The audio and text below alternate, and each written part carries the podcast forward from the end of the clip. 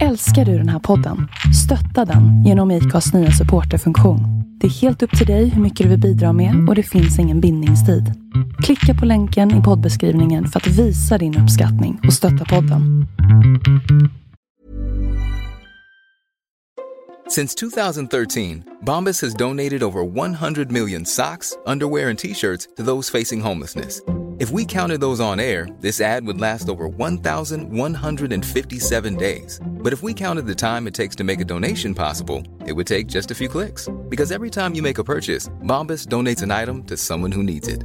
Go to bombas.com slash ACAST and use code ACAST for 20% off your first purchase. That's bombas.com slash ACAST, code ACAST.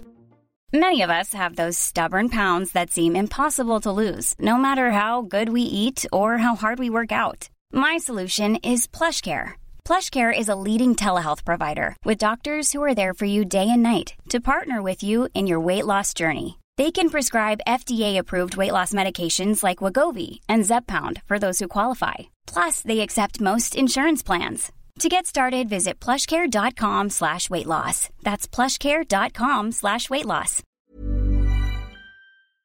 Hej, det är Melinda här. När jag och min man köpte vårt hus så ville vi självfallet skydda det mot inbrott, brand och vattenskador. Vi tog in offerter från lite olika larmbolag men valde därefter Säkra Larm. Vi gillade Säkra Larms koncept med att äga sitt larm och slippa de dyra abonnemangsavgifterna. Samtidigt som vi fick det smarta hemmet.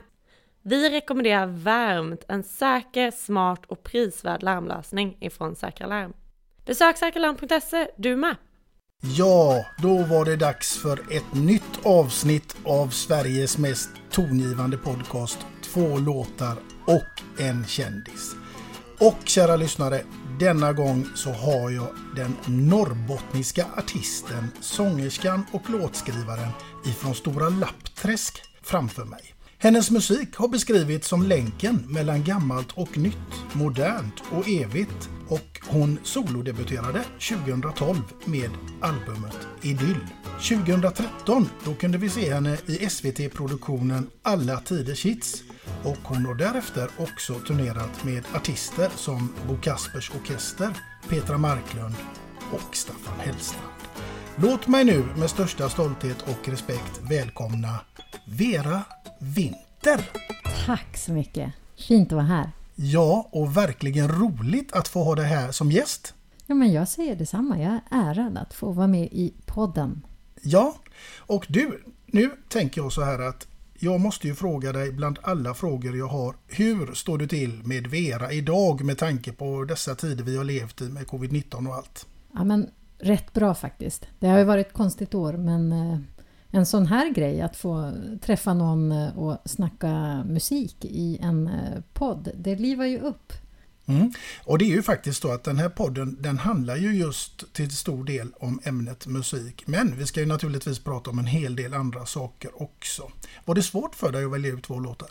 Ja, det är rätt svårt och jag sitter faktiskt nu och börjar tänka att jag kanske ska byta ut den där låten. Så, ja, vi får se. Har ja. jag bestämt mig? Jag tror det. Du tror det? Ja. ja det finns mycket bra att välja ur. Mm.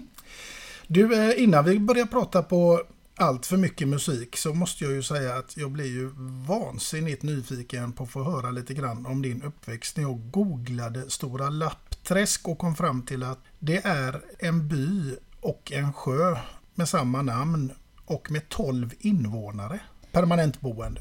Precis, jo det, det stämmer. Och vi, vi, var, vi var några fler när, när jag växte upp där. Då var vi ja, tre, tre barnfamiljer. Med, det var tre barn i varje familj och så var det ju far och morföräldrar. Jag växte upp med mormor och morfar på, på samma gård, huset mitt emot, sprang över fram och tillbaks. Eh, men idag är det tolv personer som bor där. Och... Alltså det låter ju helt fantastiskt egentligen. Ja, det är precis vad det är. Och, och, och, för mig är det ju liksom, ja, det är som så naturligt att den platsen och att det inte är fler helt enkelt. Jag har aldrig tänkt, jag tänker inte på det som något konstigt egentligen utan det är som det ska vara i, i Lappträsk. Mm. Ja, det är lite svårt för en annan liksom, med tanke på att jag kommer ifrån raka eh, motsatsen, det vill säga betongen och förorten. Mm. Men, men det du beskriver det var ju sånt man i bästa fall fick uppleva på somrarna. Just det. Jo, men det, naturen finns ju ja, överallt där och precis utanför huset så fort man går ut helt enkelt. Och det är det som är det härliga. Och eh, ja, men det har ju format mig väldigt mycket som människa och eh, såklart letat sig in i min musik. Mm. Så det är ju naturen och årstiderna och skiftningarna och, och eh, är ju saker som jag alltid liksom återvänder till i mina texter. Det, Ja, men det förstår jag. Hur skulle du säga att det har påverkat dig som människa nu när du tittar i backspegeln? För nu har du ändå bott i Stockholm i dryga 20 år va? ja, det, det är ganska precis liksom halva mitt liv som jag har bott i Stockholm och så första halvan i, i Stora Lappträsk. Mm. Och, eh, ja, Stora Lappträsk förblir nog alltid tror jag och kommer nog alltid vara alltså hem hemma. Det som är, ja, det är ju där jag har mina rötter och, och där har jag min mamma och gården jag växte upp på och syskon och, och, och, och framförallt tänker jag alla de här minnena som jag läste någonstans i, om de här tio första åren i ens liv och, och, och minnena som man samlar på sig och, och drömmarna, att det är liksom det som, som vi som människor ofta liksom resten av livet återkommer till. Och det stämmer rätt bra in på mig också, måste Mm. jag säga. Jag tänker på det här med avstånd och så. Det är ingenting man ska snacka med dig om. För det, det, Ja, eller nej men avstånd. Nej, två, tre mil är ju, är ju inga avstånd. Det, nej, det är en evighet för mig men eh, ja. nej men det... Jag ska gå över till grannen. Det är tre mil. Mm, nej, men riktigt så långt är det ju inte till, mellan grannarna i, i Stora Lappträsk. Men, eh, men det var ju verkligen så. Alltså, jag och min syrra och när man blev tonåring innan, jag tog ju såklart körkort direkt när jag fyllde 18 men innan man hade körkort så, så cyklade vi ju några mil in till Kalix som då är närmsta samhälle för att ja, hänga eller träffa någon kompis eller köpa glass på Frasses, mjukglass på sommaren. Så att, Mm. Låter ändå idylliskt på något sätt. Sätta sig på hojen och åka in till ja, Kalix. ja, men eh, lite, det, det, tog- väl, vad tar det att cykla en mil i och för sig? Det beror på vad man har för cykel och hur fort man cyklar. Men Ja, det tog säkert en timme och man stannade, man fnissade och pratade. Och, ja. ja. Du, eh, vad är den första låten som du kan härleda till från tidig ålder och komma ihåg? Och, alltså, en låt som jag, den första som jag tänkte på nu, det är en vaggvisa som min mormor Iris sjöng för oss och förmodligen för min mamma och min moster också. Ska jag sjunga lite av den? Ja, det tycker jag. Ja, den går så här då. Momme och Poppe kimmen nu hem Soda hålla Och det är ju Kalixmål. Ja, det hördes. Ja, så det är som ett helt eget språk kan man säga. Ja. En, di- ja, en dialekt. Ja. Så, som min mormor och morfar, farmor och farfar, de pratade ju bondska som, ja, som vi kallar det hemma. Mm. Och eh, jag vet faktiskt inte om det här liksom var en sång på riktigt eller om det bara var något som mormor hittade på och ord som hon sjöng på. Mm. Men eh, den eh, sjöng hon som vaggvisa för oss. Så den har du somnat till ett antal gånger. Ja men förmodligen har jag nog det. Jag, ja, jo, det har jag. Ja. Var det en musikalisk familj du växte upp i? Ja, det skulle jag säga absolut att det var. Och framförallt min, eh, min pappa som eh, spelade gitarr och när han var ung så spelade han väl rätt mycket liksom, lite rock och blues och Hendrix och Hey Joe, said where you going? That gun in your hand.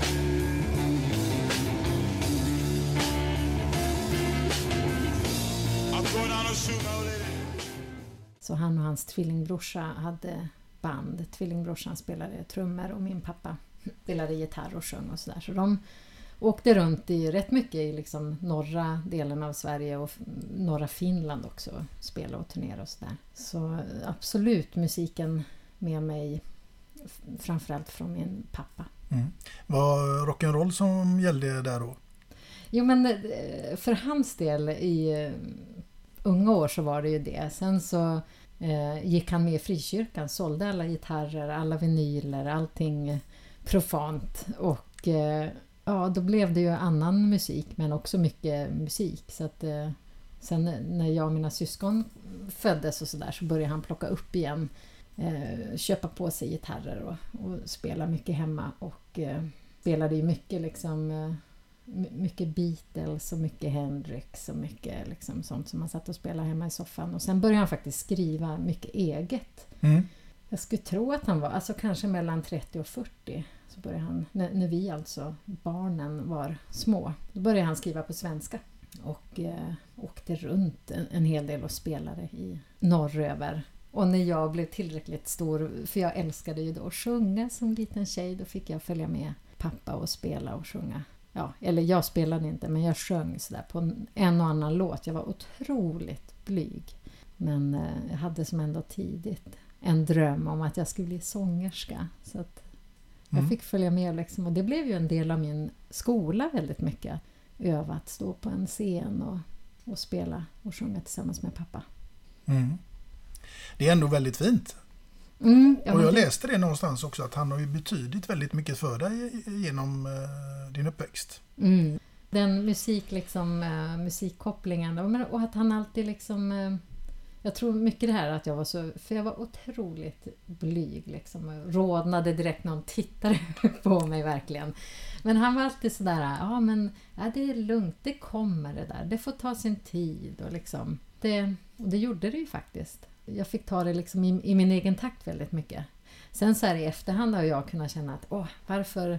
Jag hade velat bli mer drillad på gitarr just för att min, min, eh, min pappa var ju en väldigt duktig gitarrist.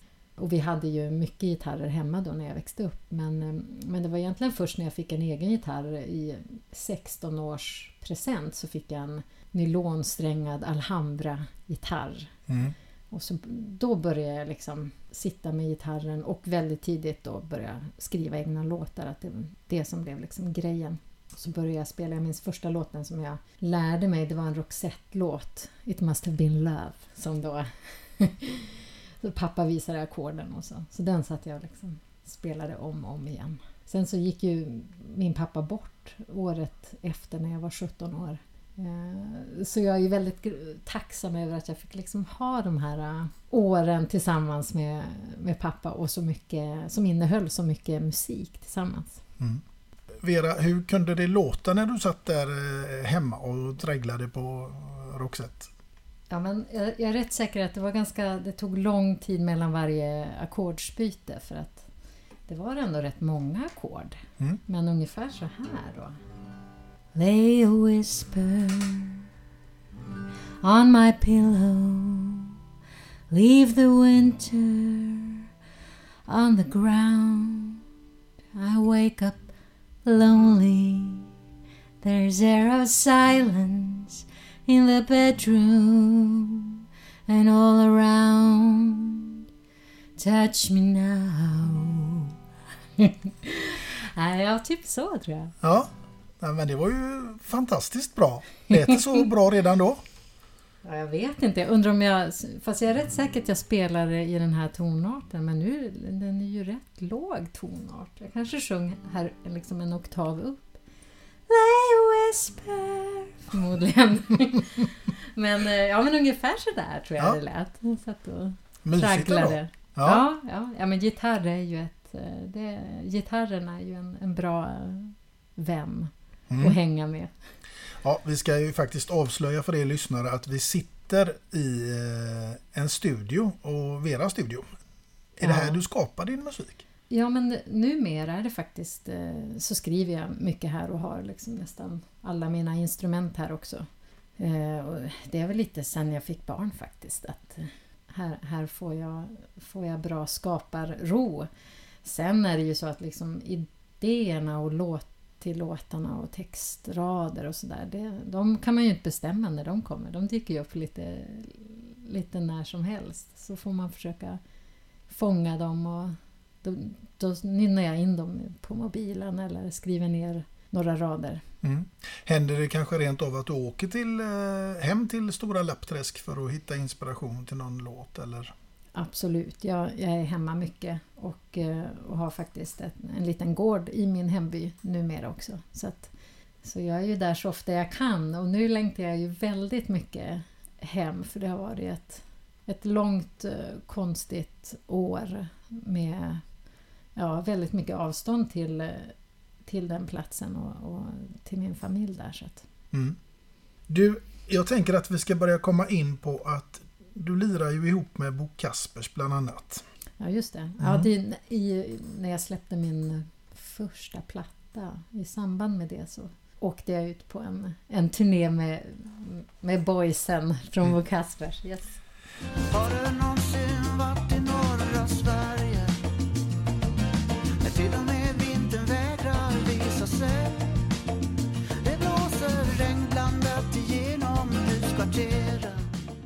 För visst var det så att det var ju Bo Sundström som kan man säga upptäckte dig? Ja, men det kan man väl säga eh, på sätt och vis. Sen hade jag eh, hållit på med musik. Liksom. Musiken har varit en del av mitt, hela mitt liv. Men, eh, men det var absolut Bosse som såg mig spela på ett, ett litet hak här i, i Stockholm. Och eh, ringde och tipsade sitt skivbolag Sony Music om mig. Och så fick jag skivkontrakt där och, och spelade in min min, min första soloplatta. Så, att- så, så, så var det.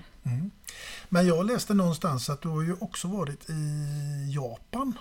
Precis, jag var i Japan egentligen eh, ja, när jag var 18 år. Och då skrev jag på, jag gjorde en platta på, på engelska eh, som släpptes där. Så det var ju egentligen liksom den, den första resan som jag gjorde. Mm. Hur i all sin dar hamnade du i Japan? Ja, men det kan man ju det kan man fråga sig. Men det var ju i en... eh, Det var väl liksom i slutet av den här eran när svensk musik var eh, stor i, i Japan och, och många svenska band hade liksom ja, slagit sig fram där och, och hittat en, en publik. Så det fanns ett stort intresse från liksom därifrån att, att hitta ny svensk musik.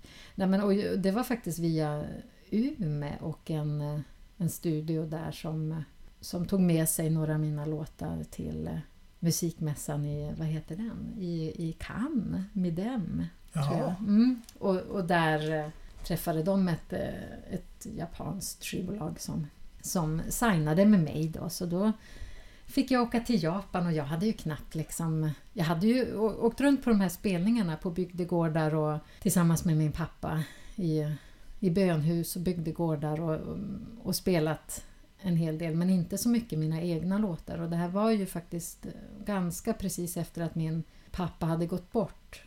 För då uppstod ju liksom ett, ett stort behov av att eh, ja, skriva musik och bearbeta den sorgen och förlusten såklart. Så, att, så den skivan och de låtarna handlar ju väldigt mycket om sorg och att förlora en förälder och sådär. Mm. Där har ju musiken eh, verkligen eh, en ådra att fylla så att säga. Att man Mm. kan använda det i form av terapi. Mm. Ja men verkligen. Det, det, för mig har det ju liksom... Eh, ja, men, eh, där och då när jag, när jag förlorade min pappa så tror jag att jag reflekterar väl inte så mycket över att musiken kunde vara ett redskap på det sättet utan jag bara stängde in mig på mitt rum och så skrev jag låtar och, och, och det blev väldigt viktigt för mig. Och så genom åren så har, det liksom, har har jag ju mer och mer förstått att, att skrivandet och musiken har blivit ja, men mitt sätt att eh, förstå och utforska livet på. Alltså både relationerna till andra människor och saker som händer i, i både liksom det, den stora världen och i, i det lilla livet. Så att eh, eh, jag skulle ju nog inte kunna vara utan, utan det utforskandet. Nej. Vi ska leka lite grann nu med din fantasi så ska vi utforska det. Och då är det så här Vera att du ska få bege dig till en öde ö där du ska vara i ett helt år. Och du får bara Oj. välja en enda platta att ta med dig. Vilken blir det? Det är ju en sjukt svår fråga alltså. Mm. En skiva, en platta. Men eh, en, eh, en skiva som, som jag lyssnar väldigt eh, mycket på och som har återkommit i mitt liv i perioder det är ju Bob Dylans Oh Mercy.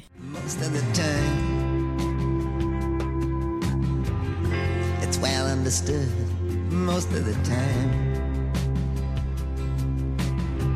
I wouldn't change it if I could så det får nog bli den. Alltså. Den har ju liksom, eh, den har både svärta och eh, humor tycker jag och eh, ja, men fantastiska texter. Mm. Det, och så finns det ju väldigt lugna låtar, meditativa men också ganska riviga. Mm. Mm. Ja, ett bra val. Ja, Mm. Nu ska vi ta oss därifrån den här öde ön och så ska vi... Och vi nu säger vi att vi är i Stora Lappträsk och du är ensam där och har på radion. Du går där hemma nu och renoverar i ditt hus. Och så kommer det en låt som bara får dig att gå fram och stänga av för det finns inte en möjlighet att den får spela vidare. Vilken låt eller genre av musik blir det här? Ja, men det här var en väldigt svår fråga för jag gillar ju musik eh, från väldigt många olika typer av genrer. Sådär. Mm. Det är ingen sån där Mm. låt som du tycker bara åh nej, den orkar jag inte. Ja, det finns ju många. Men jag tror, eh, jag ser nog ofta så här kvaliteter i, alltså jag kan gilla riktigt eh, superkommersiella saker och väldigt smala saker också. Men saker som jag, det beror ju på vad man är, vilket humör man är på. Mm. Men ibland stänger jag ju av när det blir för disharmoniskt. Eh, Så det skulle kanske vara, alltså jag gillar att lyssna rätt mycket på, jag vet inte, typ P2. Men om det är någonting väldigt disharmoniskt som blir liksom för mycket oreda så att det nästan känns sådär i kroppen. Då, då stänger jag nog av en stund och så slår jag på igen när det är över. Ja, ja. Ja. Jag tänkte att du kanske skulle svara att eh, Eddie Meduza eller någonting sånt där, men nej. Nej, nej eh, ja, eller jag vet inte. Jag har dålig koll på, på den musiken. Mm. Ja, ja nej men eh, vi, vi godtar den tycker jag, det svaret. Du, eh, sen så gick flytten till Stockholm. Och hur hamnade du i Stockholm? Ja, jag hade nog... Eh, jag minns när jag var liten så sa jag ju att jag alltid skulle bo med mamma och pappa i Stora Lappträsk. Samtidigt som jag ju också sa att jag skulle bli sångerska. Och det var någonting som jag höll fast vid liksom från, från att jag var kanske 6-7 år. Så, eh, men att jag hamnade just i Stockholm, jag tror att det har mycket att göra med min moster bodde här så att jag hade ändå liksom varit en del i Stockholm i tonåren. Och eh, sen efter att jag hade varit i Japan och, och gjort den här släppt lite musik där så då kändes ju liksom Stockholm inte lika skrämmande längre. Nej. Eh, jag tyckte till och med eh, att jämfört med Tokyo så när jag kom till Stockholm så tyckte jag så här, men här man ser rätt mycket himmel i Stockholm ändå. Det är rätt mycket, för det är ju, inte- det är ju inte lika höga hus här som, som i Tokyo. Eh, och sen så träffade jag faktiskt en, jag flög mellan Stockholm och Luleå och pratade med någon som satt bredvid som var lärare i kulturgeografi på universitetet. Mhm. Och vi pratade massa och, och jag eh, kommer ju inte alls från någon eh, liksom, akademisk bakgrund så det hade jag inte ens tänkt så här, ja men kanske man ska testa att plugga eller liksom göra något sånt. Men, men vi hade så, så intressant, spännande samtal så ja, det blev liksom bara ganska slumpartat. Då tänkte jag så här, ja men jag kan nog jag kanske ska flytta till Stockholm och så sökte jag en kurs i kulturgeografi på universitetet och flyttade hit och, och började ju också liksom söka mig till lite musikkretsar. Men jag kände inte så mycket folk här så att det, det var liksom inte några kompisar eller så som, som drog utan det var nog drömmarna om, om musiken och att se något annat och nytt och ja, kasta sig ut. Mm. Det är modigt gjort. Och det har ju gått väldigt bra, det får man ju lov att säga. Ja men jag börjar landa här nu efter 20 år. Ja, börjar jag känna att, eh, att Stockholm faktiskt... om- Stora Lappträsk är alltid hem hemma men Stockholm är ju, har ju också blivit mitt, mitt hem och det är en väldigt fin och vacker stad med mycket, mycket natur här också. Mm. Mm. Fram tills idag så skulle du ju få välja två låtar och vi börjar så smått komma in här nu på ditt första låtval och jag har ingen aning om vad du har valt och jag är extremt nyfiken på att få höra vad det är du har valt men också inte minst varför. Ja. ja, men då ska jag avslöja här då. Mm. Eh, nej, men första låten som jag har valt är en, visa av Allan Edwall som heter Lilla bäcken. Mhm. Och eh, Allan Edwall är liksom anledningen till att jag började skriva musik på svenska. Eh, för jag skrev ju först liksom den, ja, de, den första skivan jag gjorde då, den här Japan-skivan och, eh, ja, men, och ett gäng andra låtar, det var ju engelska för att musiken som jag lyssnade på var på engelska väldigt mycket. Men då fick jag en, en present, en, en box med Allan Edwalls samlade visor. Och det var efter att jag hade flyttat hit till Stockholm.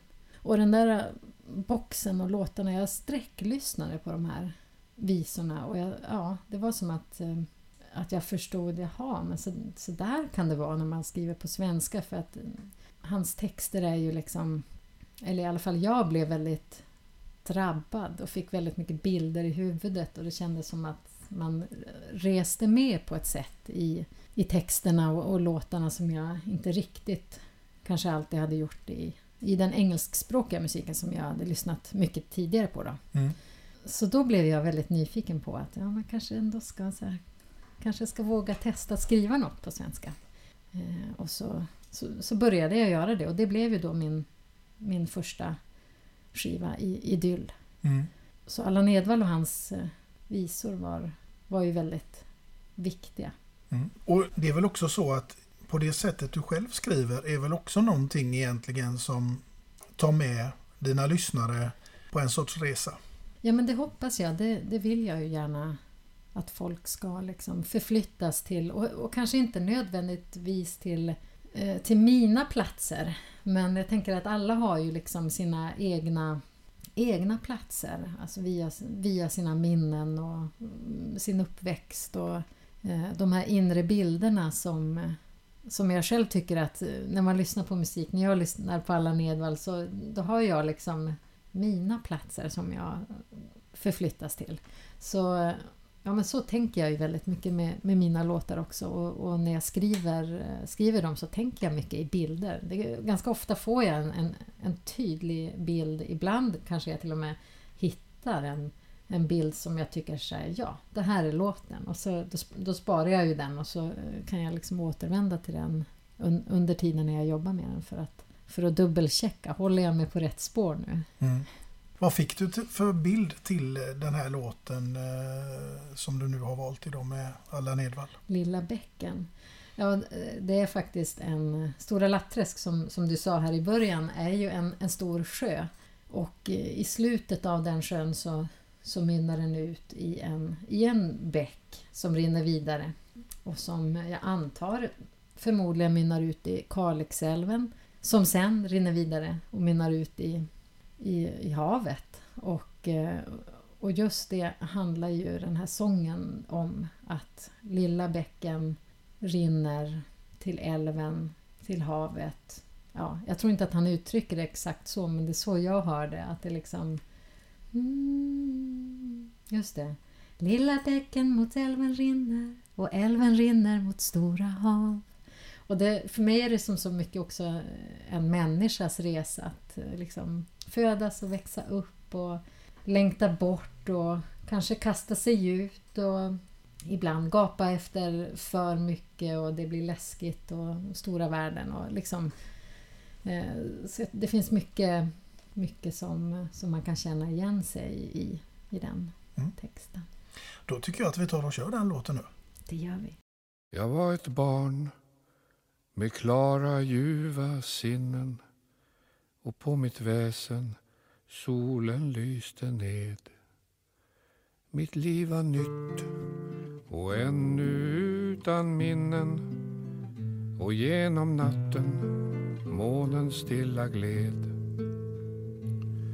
Och jag var ung med fasta steg på jorden jag levde fritt bland träd och vilda djur och som i lera formade jag orden och rent var hjärtat som det kom och ur och lilla bäcken mot älven rinner och älven rinner mot stora hav och aldrig någonsin mer du finner var lilla bäcken blev av.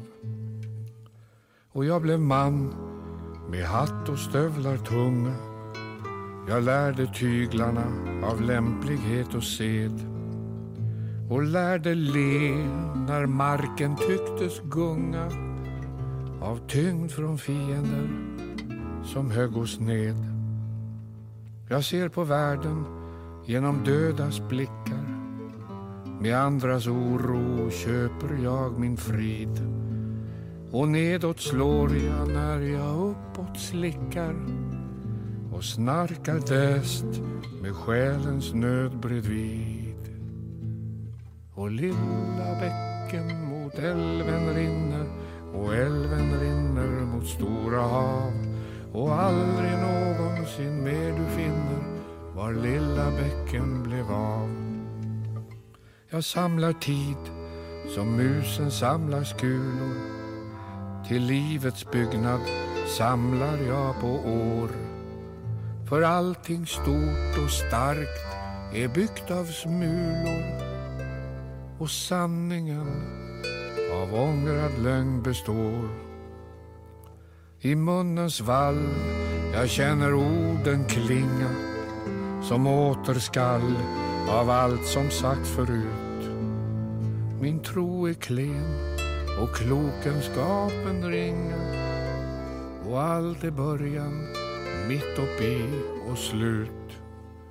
Och lilla bäcken mot älven rinner och älven rinner mot stora hav och aldrig någonsin mer du finner var lilla bäcken blev av.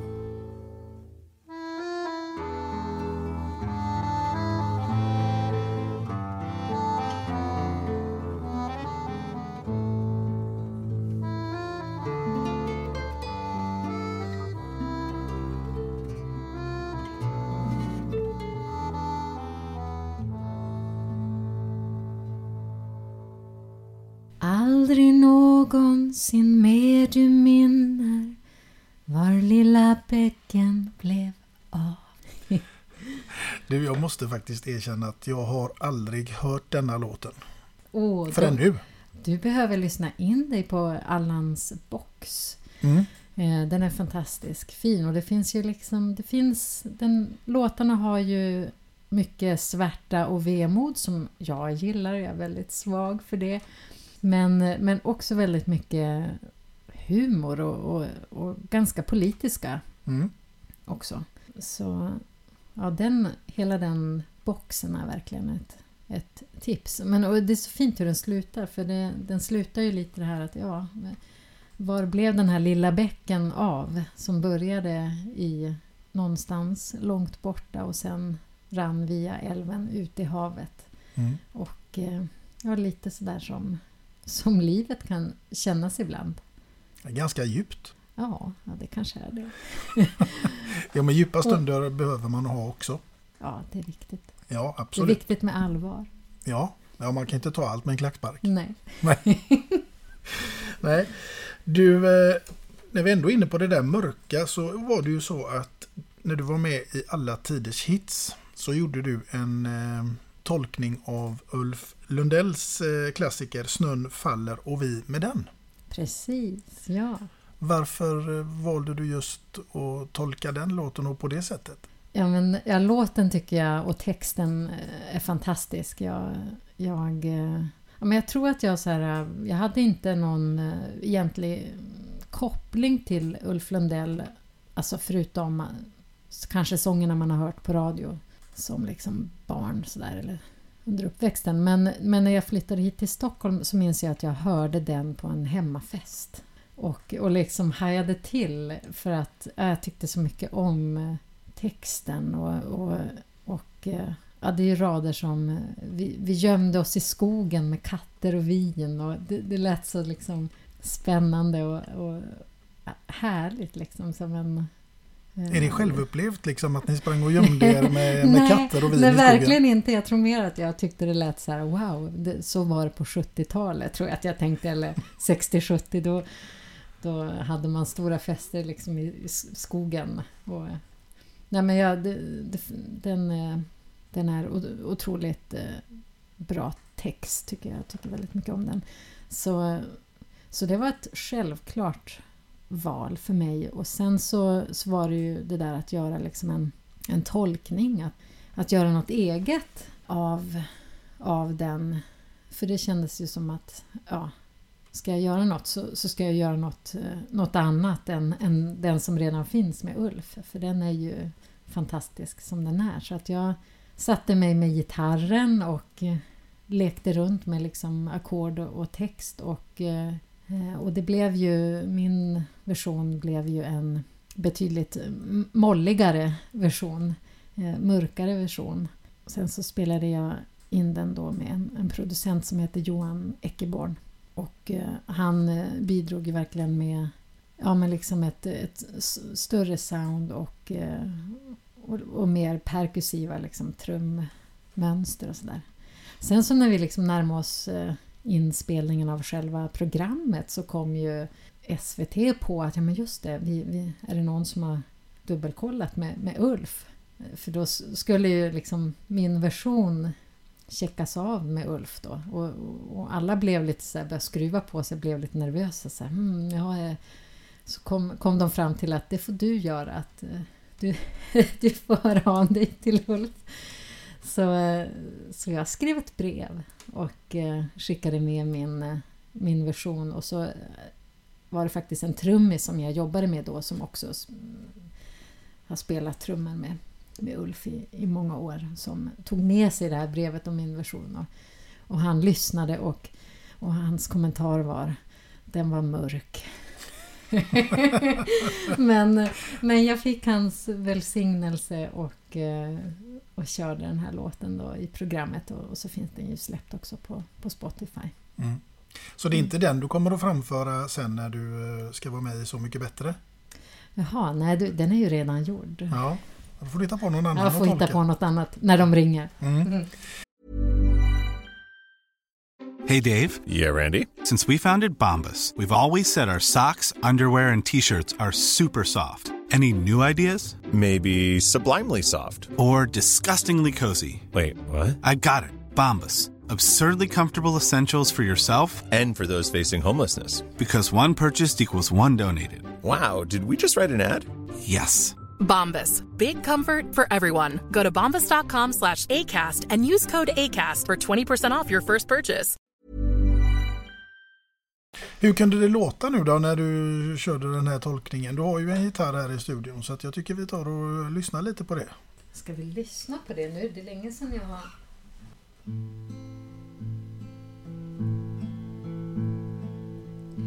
Snön faller Det blir mycket bättre sen.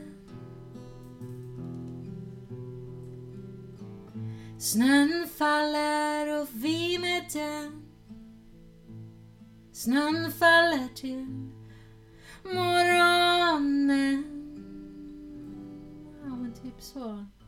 Mm. Gömde oss i skogen med katter och vin min favoritrad. Ja, gömde oss i skogen med katter och vin. Ja, det låter ju som en något man får prova. En sån fest vill man ha va? Ja, du får arrangera en sån i ja. Stora Lappträsk. Ja, perfekt miljö. ja, det kan jag tänka mig. Du, i samband med det här så ska vi faktiskt också nämna att du har fått ett av Sveriges största kulturstipendium. Ja, det har jag faktiskt. Jag blev otroligt, alltså både lite chockad och eh, fantastiskt glad. Mm. Mm, Rubus Articus. Och det, var ju, det är ju som sagt var ett väldigt eh, fint stipendium att få. Det är ju det. Och eh, ja, nej, men det, det, är fina personer som har fått det genom åren. Nikolaj Dunger och mm. Mattias Alkberg, Sofia Jannok och, och också liksom många bildkonstnärer och scenpersonligheter. inte bara musiker och artister sådär. Så att, Ja, men det, det var otroligt uppmuntrande. Jag blev fantastiskt glad. Mm. När, när kom egentligen, liksom, som du själv tycker, ditt stora genombrott på något sätt? Jag, vad jag tror inte jag har haft något, någon, någon sån... eh, Nej, jag, jag är liksom väldigt mycket i musiken bara hela tiden och skriver och skapar och, och släpper ifrån mig grejer ibland. Men, eh, nej, men jag tror inte... Jag, jag tror mer att jag som, som liten tjej hade, hade en, en tydlig... Eller jag hade nog inte en tydlig bild men jag hade någon slags så här, jag ska bli sångerska utan att riktigt ha någon idé om vad det innebar att vara sångerska. Och, och sen så har den där bilden liksom förändrats hela tiden så att när jag fick min första gitarr och började skriva låtar då fick jag en ny bild i huvudet att ja men just det, det är ju det här. Jag vill skriva, jag vill berätta. Och så har jag liksom hållit på och, och gjort det Mm. hela tiden. Så att jag tror inte jag har slagit igenom ännu. Det på kom- det sättet. Nej, men det kommer efter det här avsnittet. Ja, det, det blir spännande att se hur, hur det är. Hur det känns. Jo, men du har ju ändå en publik som följer dig. Ja, men det har jag. Det har jag. Folk lyssnar och kommer på spelningar och sådär. Absolut. Mm. Hur ser det ut med spelningar här nu? Nu har det ju varit ett otroligt eh, jobbigt ett och ett halvt år här. Men, men Mm. eh, finns det någon, några planer för framtiden?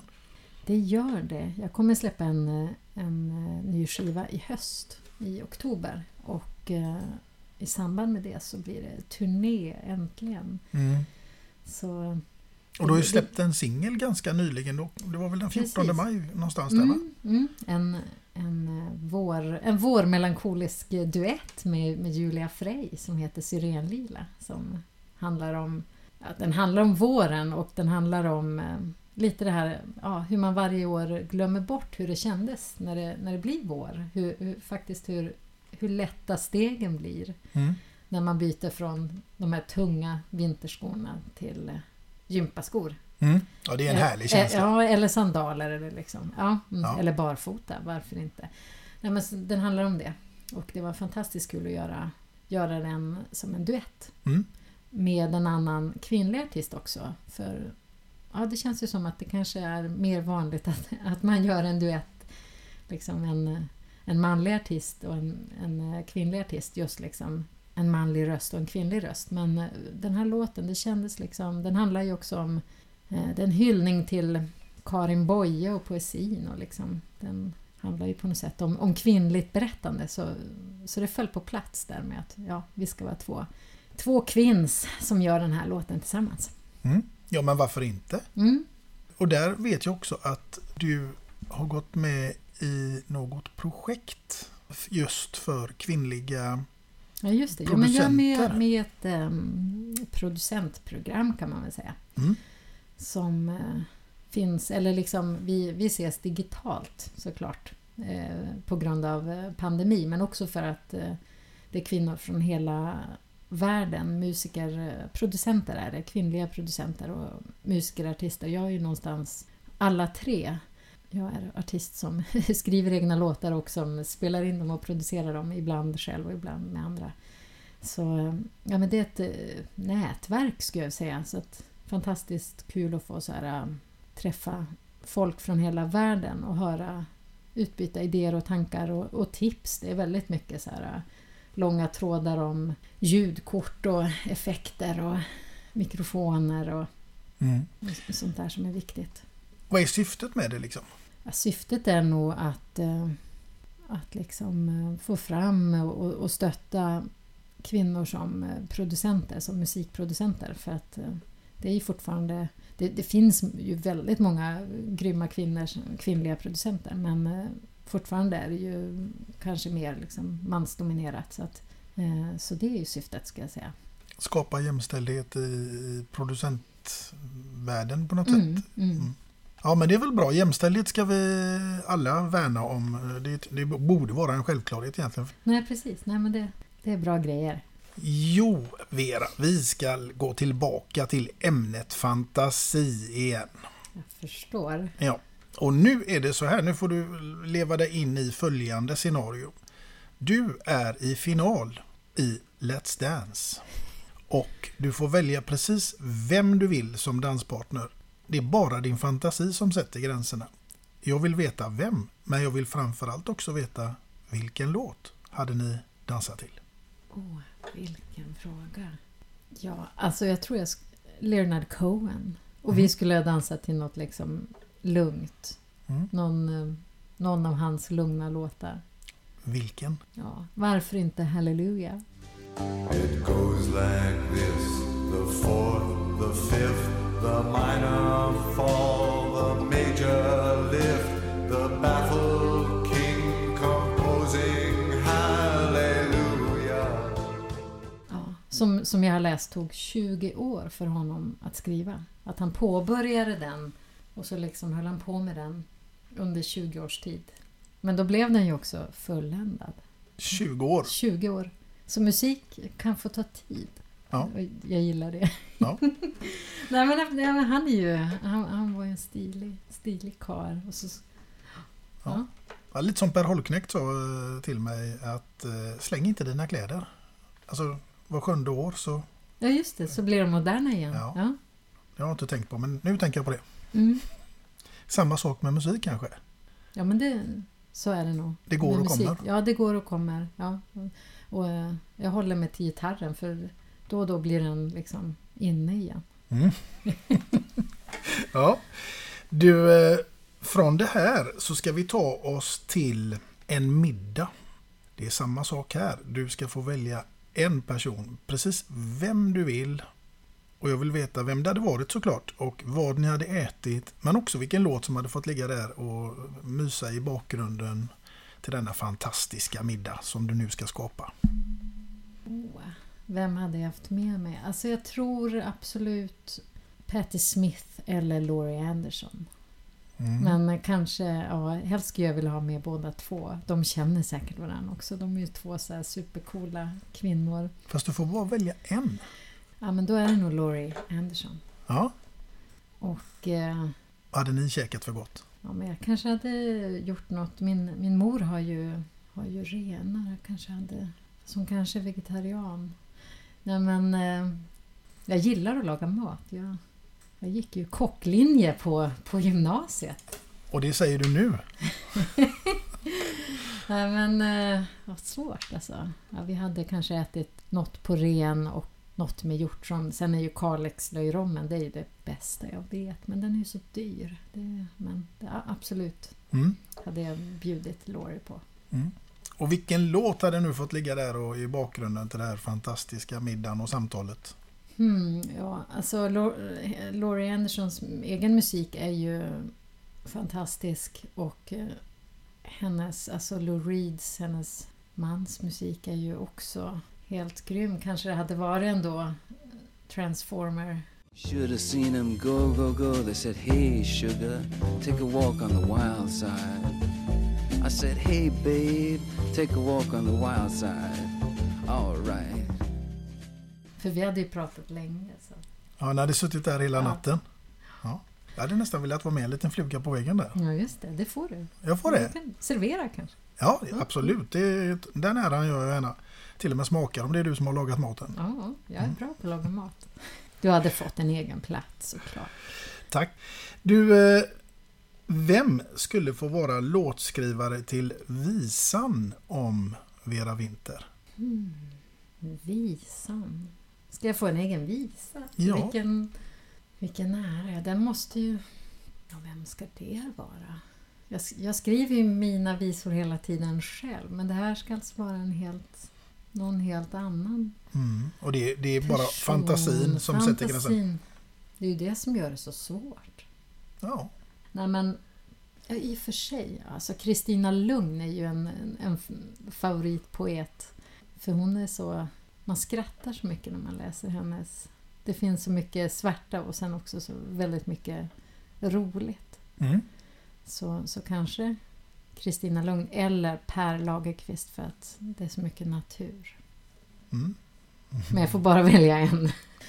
Ja, men det får bli Kristina Lugn för då blir man säkert överraskad. Hon, Ja, förmodligen. Mm. Men du hade nog gillat den visan tror jag. ja, det tror jag också. Mm. Nu Vera, nu kommer vi till låtval nummer två och jag är minst lika nyfiken på vilken låt och naturligtvis varför. Ja. Eh, ja, men det är en låt av PJ Harvey. Mhm. och eh, som heter in Dark Places. Jag hoppas att jag kommer ihåg titeln rätt. Ja, men jag tror det. Och eh, ja, men jag, jag gillar PJ Harveys musik så där, överlag. Hon är ju en fantastisk artist och låtskriverska. Eh, men det är något särskilt med, med den här, just den här låten. För, och varje gång jag liksom hör, det är något med de första raderna och bilden som jag får i, i huvudet. För den börjar We, we got up early washed our faces Sen kommer jag inte ihåg något mer. Eh, men, men det är liksom det är något med precis hur den börjar och att det är tidig morgon eh, som, eh, som förflyttar mig till, till liksom ett tillstånd på något sätt. Och sen är den bara en väldigt så här, snygg låt också. Mycket, mycket gitarrer och ja, elgitarrer. Mm. Och, och för mig har, har PJ Harvey och hennes musik eh, ja, men inspirerat rätt mycket. Eh, jag började ju med den akustiska gitarren men eh, sen för några år sedan så började jag leka mycket med liksom elgitarr och barytongitarr och gitarrpedaler och, för att utforska det. Och hon, hennes musik har liksom en råhet som jag uppskattar väldigt mycket. och Som jag, ja, jag tycker om den blandningen av, av det vackra och det vemodiga men också det, det råa och liksom lite, lite rockigare. Mm. Ja, men du, nu tycker jag att vi tar och kör den låten. Det gör vi.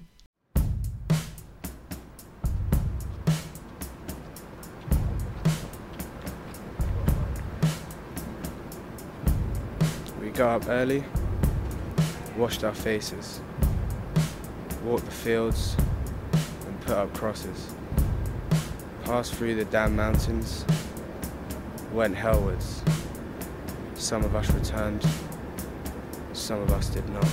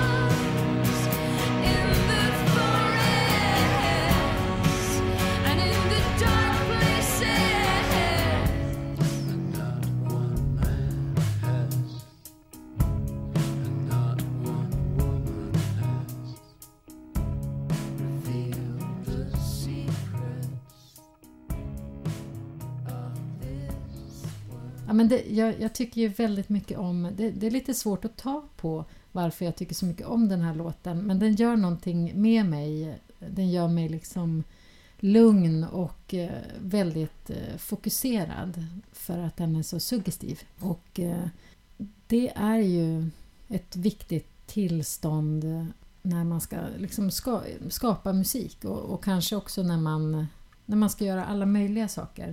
Det är väl så i fotbollen också. Man måste fokusera, man måste gå in i tillståndet, i känslan. Eller? Mm. Absolut, absolut. Ja, men det, det, så gäller väl generellt sett vad man än ska göra. Så behöver Mm. man vara fokuserad liksom. Mm, mm.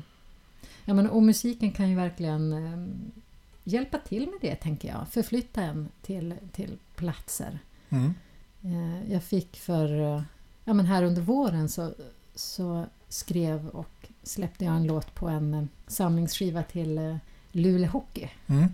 Eh, hockeylaget hemifrån. Jättekul att få, att få vara med på det projektet. Så att det är tio Norrbottens artister som har skrivit musik. Och, och det var spännande för att jag, jag som inte ser mig som en sportig person Även om jag liksom Jag har åkt mycket skridskor på sjön och spelar mycket bandy Men jag har liksom inte Lagsporten var inte möjligt för mig för att jag, ja, i, I Stora Lappträsk, mina föräldrar hade ett jordbruk, de var alltid i lagorn den tiden som det var träningar så att eh, väldigt tidigt blev eh, alltså jag och mina syskon tillsagda att ni får göra sånt som man kan göra hemma. Mm. Och för mig blev ju det då gitarr eller ja, jag åkte skidor liksom. Och sånt som gick att göra hemma. Men, men just den här liksom lagsportsgrejen eh, har jag ju aldrig testat. Eh, och det var spännande att, att, att- börja tänka på liksom sport och eh, fokus i, i samband med att jag skrev den här låten som heter Mod är. Och jag tror att jag landar i att, att jag börjar fatta att ja, men just det, musik och sport, det finns, liksom, det finns många beröring, beröringspunkter just i att, att fokusera på någonting, att öva och öva, nöta och nöta, att, eh, att kasta sig ut. Men sen kom jag på att just det, den här liksom lagsportsgrejen, den finns ju också i musiken för jag spelar ju ofta med, med musiker och, och då handlar det ju att, ja, det handlar om att, att liksom vara lyhörd, ha en tilltro till de som finns runt omkring en. Som, ja, det, det finns mycket likheter. Ja, absolut. Och musiken är väl, om inte minst, det finns väl i Vanda omklädningsrum liksom. Och man sitter och lyssnar i bussen för att ha någon låt man taggar till till eller vad som helst. Mm, mm. Men kan man switcha miljöer? Ska jag kunna hoppa upp på planen och... Ja, men det tror jag. Tror du det? Ja, ja, ja. Med, med min musikaliska lyhördhet Ja, eh, översätter den till fotbollen. Fast jag är lite bollrädd. Det, det är det. ja men du, ska du får vara där uppe och sparka in dem i mål. Ja, just det. Ja. Mm. Tack. Du, eh, du har sagt någonstans också att för mig är musik som en upptäcktsfärd. Mm. Ja men det är det. Och eh, och lite det vi har pratat om att det genom åren har blivit mitt, mitt verktyg att liksom utforska livet. Och, och det är väl där upptäcktsfärden kommer in och sen är det ju väldigt mycket att bearbeta livet hela tiden. Ja, min, min pappas bortgång blev ju en, ett sånt liksom tydligt jack i, i liksom, ja, det bearbetar jag ju fortfarande för att han kommer ju alltid saknas mig liksom. Mm. Eh, Så det, ja, ja men det, mu- musiken är, en, är verkligen en, en upptäcktsfärd och sen i, i skrivandet men också såklart i att åka runt och spela live och träffa mycket människor och befinna sig i olika miljöer och nya platser och städer och orter och byar och Mm. det, Jag måste säga här att du har ju gjort en låt som heter Sagolandet. just det. Och eh, den har jag läst att den handlar om en tiggande kvinna utanför ICA. Det stämmer.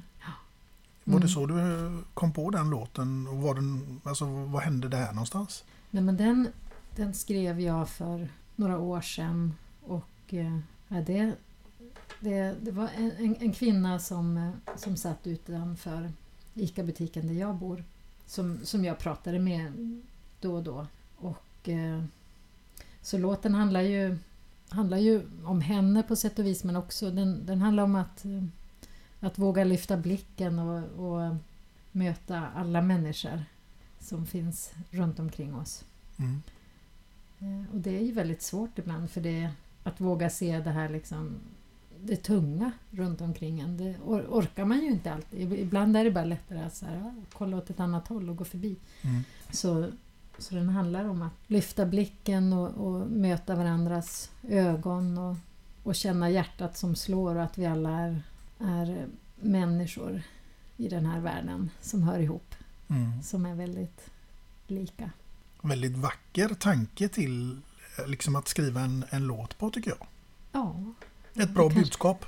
Ja men den, den kom till bara, jag vet inte. Det är ju det är så. Man, man lever på sitt liv och, så, och, och bearbetar det på något sätt. Mm. Du, vi ska lyfta blicken tillsammans här också nu för att nu ska vi se om du är, är redo för det här. Det är inte så säkert men vi gör ett test. Okej, Det är fem snabba till dig. Okej, ja vi kör. Ja. Jag har ju inte det här göteborgska tempot. Jag har ju mer det här lite sävliga norrbottniska. Men jag ska försöka vara Vi hittar en bra snabb kombo och där. kortfattad. Yes. Renskav och hemkört eller surströmming och jäger. Ah, renskav och hemkört. Mm. En simtur med Anna Anka eller en skogstur med Magnus Uggla. En skogstur med Magnus Uggla. Ett med naturen eller Bonde söker fru på tvn. Ja, det var svårt. Nej men... Eh, bonde söker fru. Jag är jordbruksdotter. Mm. Vara bäst bland de sämsta eller sämst bland de bästa. Ja, sämst bland de bästa kanske. Mm. Blått och flott eller grönt och skönt. Grönt och skönt. Ja. Jag tyckte du hängde med bra här Jag gjorde faktiskt. det, trots norrbottniska sävligheten. Ja. Ja, Var det tack. någon där du kände att du hade behövt lite längre betänketid på? Det är Bonde söker fru, jag vet inte. Det är lite det där, jag tror kanske... Jag skulle ha velat svara ett med naturen men jag tror att jag kanske hade sappat över till liksom, Jag gillar det här med relationer och hur ska det gå? För Mm. Att, mm. Nej, men jag, jag tyckte det var ganska glasklara svar där, det får jag lov att säga. Vi har pratat väldigt mycket om din musik och ditt sätt att eh, skriva låtar. Mm.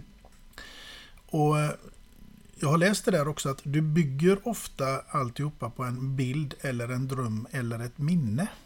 Mm. Ja men det, det stämmer. Alltså ibland, ibland kan det verkligen vara så. Jag, jag drömmer rätt mycket. Jag ska inte börja berätta mina drömmar här nu. Jo, gör det. nej, men... eh, Vad drömmer men Vera Winther om? Nej, men så här. Ja, men, en, en låt som heter Zigzag, den handlade faktiskt om att jag drömde om fem huggormar som simmade i ett grönblått vattendrag så här, på rad. Mhm. Ingen aning om vad det betyder, men, men den bilden hade jag i huvudet, huvudet när jag vaknade och, eh, och den gav sig liksom inte av. Och så det där med zigzag, när jag började tänka på zigzag tyckte jag åh det är ett bra ord. Och så behöll jag det och sen så liksom byggdes låten ut utifrån det ordet egentligen. Så, att, eh, eh, så, så kan det gå till. Och sen, alltså minnen är ju något som eh, det är ju en, en bra låt idébank för de fylls ju på hela tiden och, och man kan resa fram och tillbaks. Och sen drömmarna är ju också, förutom liksom, drömmar om natten så kan ju drömmarna vara framtidsdrömmar. Men är det fem huggormar som simmar på raken? Ja. Vad drack du kvällen innan? Förmodligen bara te alltså. Jag tror inte... Jag, jag har alltid drömt väldigt mycket. Mm. Och eh, kommit ihåg mina drömmar så att... eh, Mm. Och jag dricker alltid lite te på, på kvällen. Jag älskar te. Mm. Jag gillar inte ormar så jag ska absolut Nej, inte nej. dricka te på kvällen. Nej. Nej, men det är ju fantastiskt att höra oavsett om man nu spelar eh, musik då eller vad man än gör i skapande form så finns det ju alltid olika sätt att hitta sin inspiration på. Mm. Mm. Och det är viktigt att fylla på med nya saker som man kan hämta inspiration ifrån. Och, och, eh, det har varit lite svårt det här året, tycker Mm. jag. Eller i och för sig, läsa och titta på film kan man göra hemma och sådär. Men, men jag tycker ju att det är kul också med... Ja, jag tycker mycket om foto och kanske titta på liksom målningar och utställningar och skulpturer och sånt där. Och, och ibland kan jag bli liksom, rätt ofta blir jag inspirerad bara av kanske inte ens själva bilden men det kan vara så här titeln på en tavla som man så här äh, hajar till på. Liksom. Men Mm. eh, det, fylla på inspirationen genom att uppleva saker. Det, Det är viktigt. Mm. Du, framtiden. Eh, hur ser den ut nu bortsett från att du kommer att släppa ett nytt album den första oktober har jag fått till mig. Mm, mm. Men om vi bortser från det, hur ser framtiden ut då? Ja, då, ja men det blir nytt album och det blir eh, turné. Mm. Så det längtar jag ju väldigt mycket efter. Mm. Så- Är det något annat som är på gång som du inte får avslöja? Ja, ja, men, ja, jag vet inte. Här, jag är liksom som fokuserad nu på närmsta tiden och då blir det ju åka till Stora Lappträsk och ta tag i renovering av, av huset. Mm. Och jag måste lära mig att bli händig för det är, det är ganska mycket jobb alltså. Hur många mil är det här ifrån Stockholm och upp till Stora Lappträsk? Ja, det är ganska precis hundra. Tar man tåget bara. Så när man vaknar så är man i Luleå. Och då är man nästan hemma. Ja. Nästa, hur många mil är det från eh, Åtta. Åtta mil till. åtta mil? Ja. Tar ni cyklar som står och väntar där då? Nej, då, då står mamma där med Mm. bilen. Men det, så, så nu väntar ju liksom sommar och, eh, och rätt mycket fix med, med huset. Mm. Spännande. Mm, jättespännande. Det är alldeles intill dina föräldrar där, där du är uppväxt. Det är, eh, mm, det är granngården kan man säga. Några hundra meter Mm. mellan och så bredvid sjön. Ja, jag har blivit så nyfiken på det här nu när jag har Mm. suttit och pluggat på om det så att någon gång så ska jag bege mig till... Men du som är sport, eh, det finns ju ett, eh, ett terränglopp som heter Extasloppet som jag tror ofta när man liksom googlar på Stora Lappträsk då är det liksom den första träffen man får. Exta, fick du det? Ja. också? Ja, Och Extasloppet. man får inte ha på sig klocka så man ska Nej, gissa nej. på hur långt Mm, man mm. har... eh, Mm, och det är många skidåkare och liksom, ja, det är många som, som springer det där och det är liksom över myrar upp på berget, Häggemansberget som, och, och genom vatten. Och, det är ganska tufft lopp. Jag har inte sprungit än men någon gång ska jag springa det. Du ska göra det? Ja, jag tänker det absolut. Ja. Jag, har, jag har ju liksom, när jag åkte skidor och tränade när jag bodde hemma så då, då sprang jag ju liksom upp för det här berget och så men jag har inte det var några år sedan så Mm. får träna lite först. Ja, det får man alltid göra. Du, hur är du i köket? Ja, det är en dum fråga för du har ju berättat att du är kock så att vi hoppar över den och så säger vi istället så här att eh, hur ser dina morgonrutiner ut? Jag älskar ju frukost Mhm. och ehm, ja, nej men den ska vara välkomponerad. Det är teet först och eh, i morse åt jag ju faktiskt jag, liksom, jag hade rätt bråttom i morse men, eh, men jag tummar aldrig på jag tycker ändå att liksom varje måltid ska vara ja, lite som en fest. så Ja. så jag, liksom, jag, ko, jag kokade mitt ägg och eh, hack, hackade det lite och blandade med lite avokado, en klick smör och lite salt. Och sen så en, gjorde jag en sån här bake-off croissant som jag skar upp och så fyllde jag den med, med den här avokado och äggröran och så lite, lite tomater på för sötman och sen te till det. Mm. Anledningen att jag frågar det är nämligen att jag tänker att jag ska få bidra med någonting till ditt kök. Aha, jag Det- trodde du ville höra, nu fick du liksom hela min frukost. Ja. Ja. Nej, men nu vet jag ju att du dricker te på morgonen. Ja. Och det jag ska bidra med det är inte te men väl en mugg som du kan dricka det ur. Och eh, på den så står det två låtar och en kändis och självklart får du ditt namn ingraverat. Och den hoppas jag att du ska behålla som ett kärt och trevligt minne från denna fantastiska stund. Det ska jag. Tack så jättemycket. Mm. Fin är den också. Ja, jag Tack. hoppas att den eh, hamnar väl i hyllan. Ja, jag ska ta hand om den. Bra. Ja, Vera, vi hade ju faktiskt även bestämt att vi ska få köra en utav dina låtar som du har gjort också. Och eh, vilken kom du fram till att vi ska köra här? Ja, men så var det en av mina låtar också som jag har valt ut. Det är en sång som heter De som levt för länge sen. Och eh, ja, men när jag skrev den så tänkte, tänkte jag mycket på alla som levt före oss och vi som lever nu och de som ska komma efter. Att vi alla hör ihop och eh, förenas i liksom ett, ett förr och ett nu och en framtid. Och jag tycker det känns eh, trösterikt och hoppfullt. Somliga säger